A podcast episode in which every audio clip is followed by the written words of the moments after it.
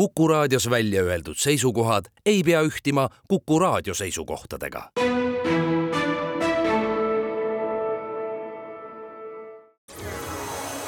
loodusajakiri, vaata ka looduseajakiri.ee. tere, head reede õhtu jätku kõigile teile, head raadiokuulajad. täna on saates külas ajakirja Eesti Loodus toimetaja Katre Palo. tere, Katre! tervist! mina olen saatejuht Tiir Ööp. Ajakirja Eesti Loodus viies number, see on septembri-oktoobrikuu number, on valmis saanud, ootab lugemist ning meil on plaanis tänase saatega rääkida teile, millest selles ajakirja numbris kirjutatakse. Läbivaks teemaks on looduse seire ja nii, nagu ajakirja Eesti Loodus peatoimetaja Toomas Kukk toimetaja veerus kirjutab, on tegemist pealtnäha igavavõitu ja rutiinse asjaga, aga kes võtab Eesti Looduse viienda numbri kätte ja hakkab seda lugema, saab aru, et ähm, kõik see, mis võib pealtnäha olla igavavõitu ja rutiinne, ei ole seda teps mitte. esimene peateema artikkel, millega hea meelega alustaks, on kirja pandud Keskkonnaameti kiirgusseire büroo peaspetsialisti Uku Ranna poolt ja ta annab selles ülevaate, mis valdkondi Eesti kiirgusseire hõlmab.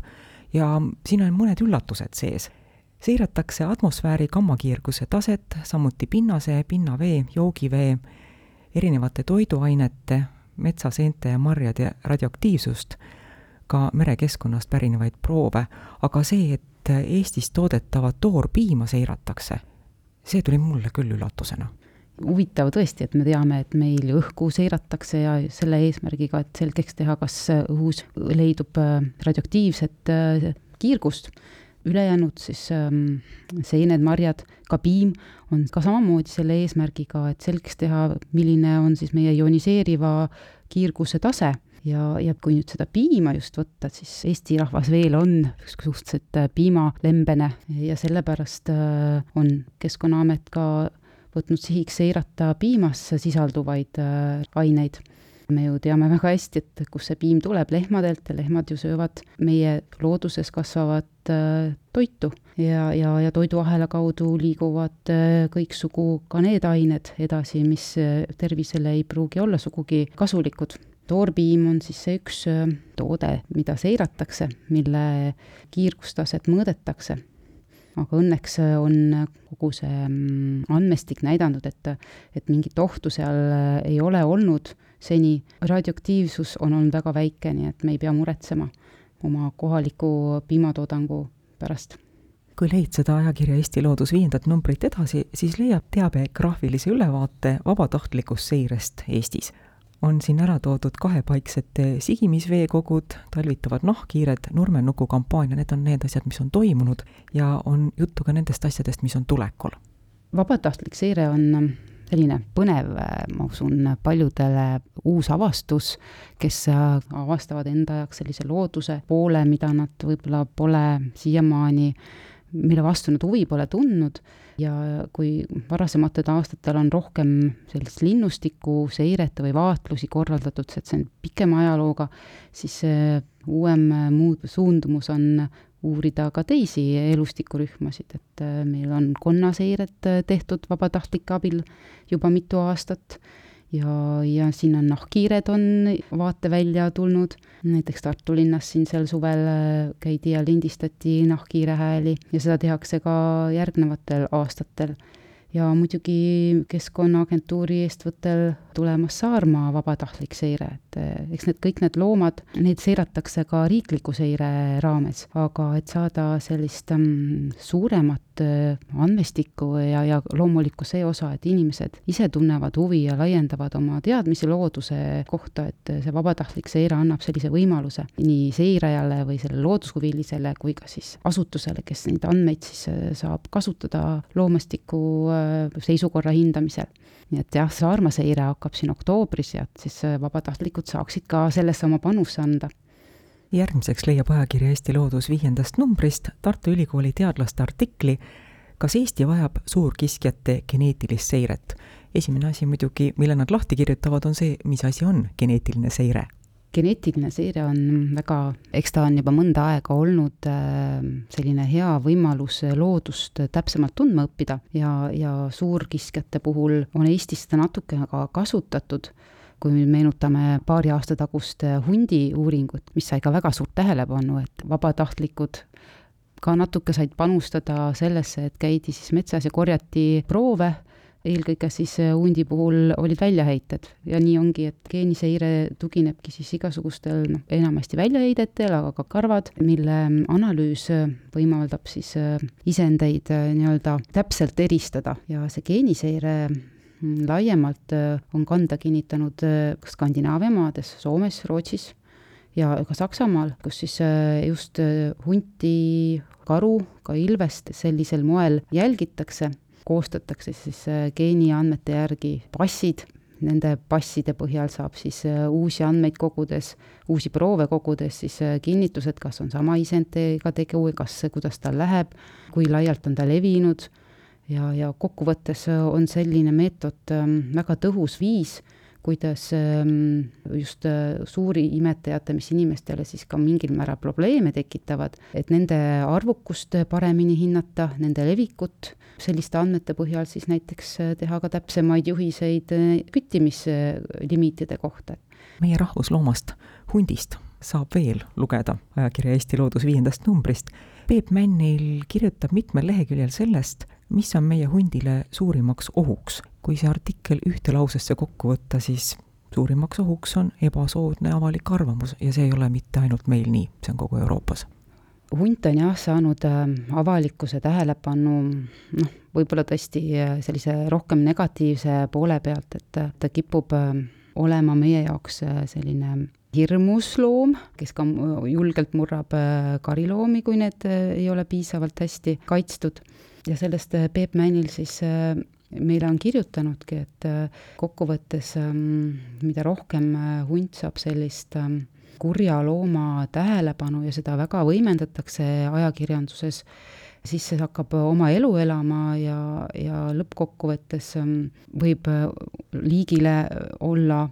päris suur oht. Ja loomulikult on hundi puhul veel äh, mitu äärmust, et äh, on ka neid, kes hunte hoiavad, näevad selles võib-olla liiga noh, selliseid romantilisi aspekte, et äh, Peep Männil on toredasti kirjutanud, et hundiromantikud, ka nemad võivad lõppude lõpuks, kuigi nad kaitsevad liiki oma sõnavõttude ja seisukohtadega, võivad nad lõppude lõpuks olla ka negatiivse mõjuga liigi kaitses. et kindlasti äh, tuleb rõhutada seda, et kui me loodust või liike kaitseme, siis on selline kaalutletud äh, ja mõõdukas suhtumine alati mõistlik et see aitab äh, teha paremaid otsuseid nendel, kes peavad liiki kaitsma, kui ka need, kes teevad äh, liigikaitselisi mm, selliseid, äh, ütleme siis poliitilisi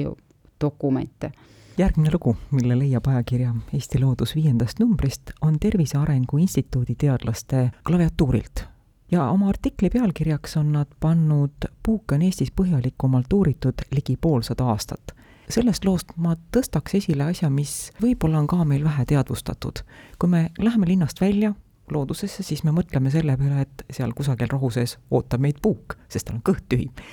aga seda, et puuk ootab meid ka linnas, linnapargis, linna haljasalal, seda me võib-olla endale niivõrd ei teadvusta, aga seal on ta samuti olemas just nimelt, et äh, ega siis äh, putukaid ju leidub igal pool ja igasuguseid putukaid, et äh, ka puuk on võimeline linna levima, meil ju liiguvad linnas ka hiired, linnud, rebased satuvad siia, nii et äh, see ei ole midagi enneolematut, et äh, puuki võib saada ka linnatänava muruplatsilt või, või kuskilt jooksuraja äärest, et kindlasti ei saa sellist äh, hoiakut arvata, et ma näiteks ei pea end puukentsefaliidi vastu vaktsineerima, kuna ma ei käi ju metsas. ja, ja kindlasti tasub ka teada seda, et Eesti ei ole ainuke riik, kus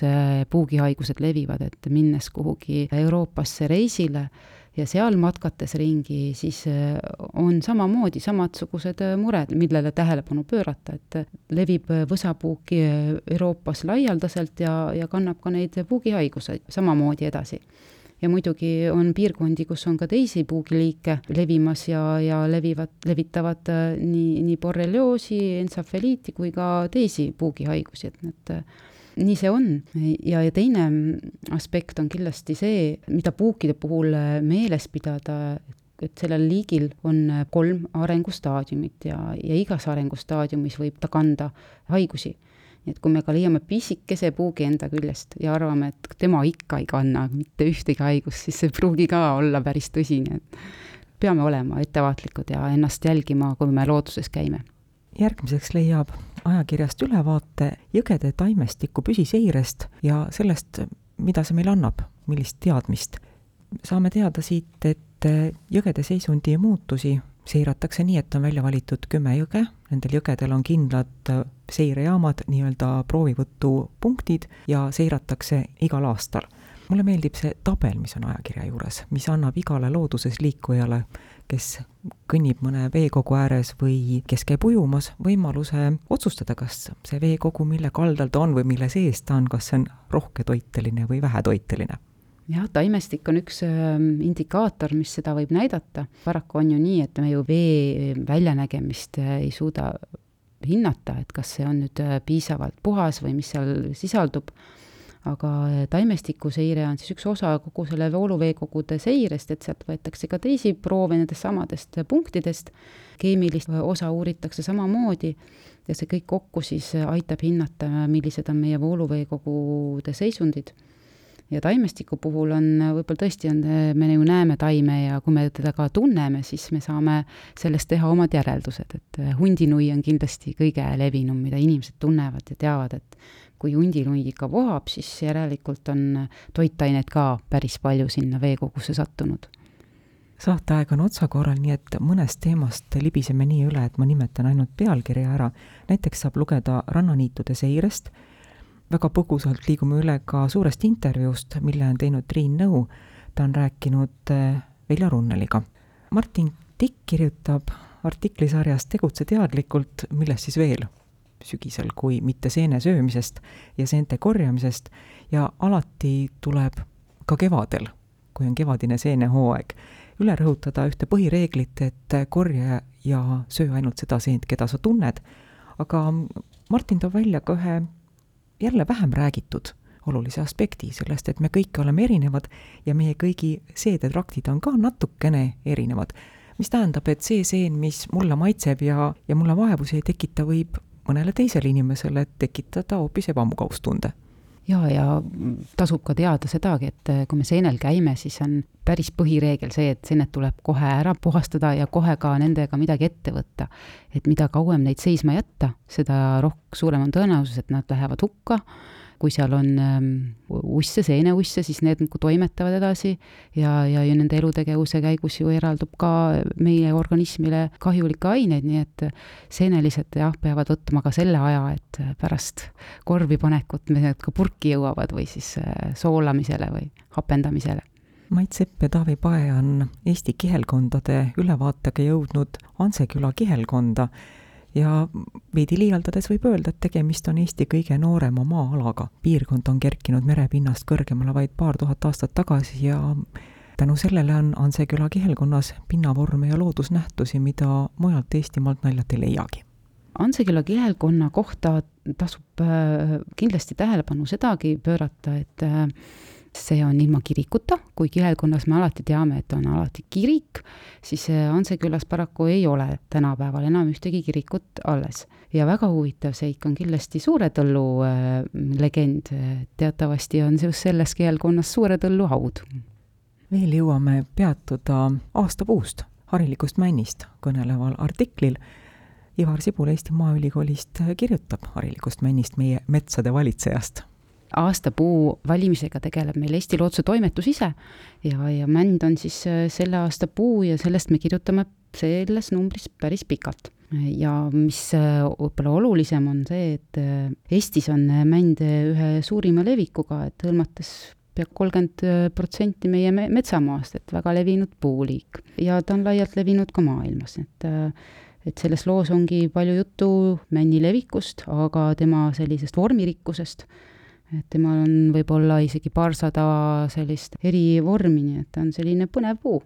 Laias laastus oleme andnud ülevaate ajakirja Eesti Loodus sügisnumbri sisust, aga lisaks nendele teemadele, millest me rääkida jõudsime, saab ajakirjast lugeda ka sellest, kuidas päikesepark võib toetada elustiku mitmekesisust, saab lugeda Johannes Voldemar Veski loodud, kuid unustatud loomanimedest,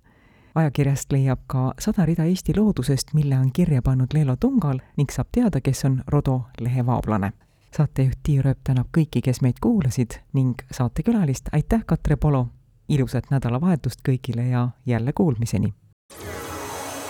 loodusajakiri, vaata ka looduseajakiri.ee